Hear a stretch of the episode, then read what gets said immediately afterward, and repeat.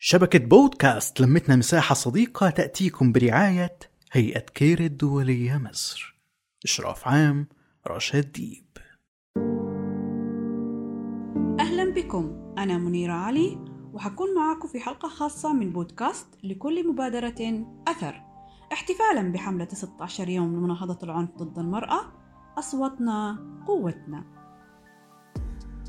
المبادرات الإنسانية من أكثر المبادرات تأثيرا في حياة الناس لأنها تعيد الأمل بأن الخير موجود وأن الناس للناس. مبادرة اليوم قامت بها سيدة سعودية اسمها سلافة بترجي وتعتبر نموذجا للمرأة العربية الناجحة فهي أم ومعلمة وناشطة في تنمية المجتمع.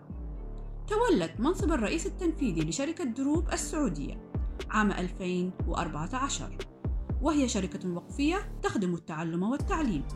ورسالتها تمكين الجيل الحالي لإحداث تغيير إيجابي في كل زمان ومكان.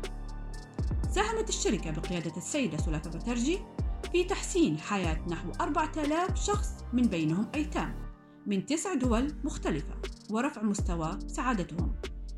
وفي عام 2015 أطلقت دروب أول مبادرة أهلية مجتمعية لرعاية طلاب التعليم العام.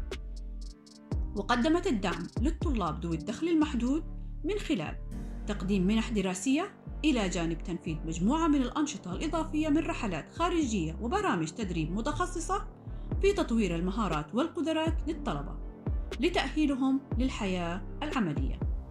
كرست بترجي حياتها لدعم وتمكين الطلبة الأذكياء اليافعين والأطفال، مخالفة العرف السائد بتقديم المنح لطلبة الجامعات، لإيمانها العميق بمبدأ التعليم في الصغر كالنقش على الحجر. وسعت إلى التركيز على التعليم النوعي الذي يمكن الطلبة من تحصيل العلوم بطرق مبتكرة وجديدة وأكثر متعة.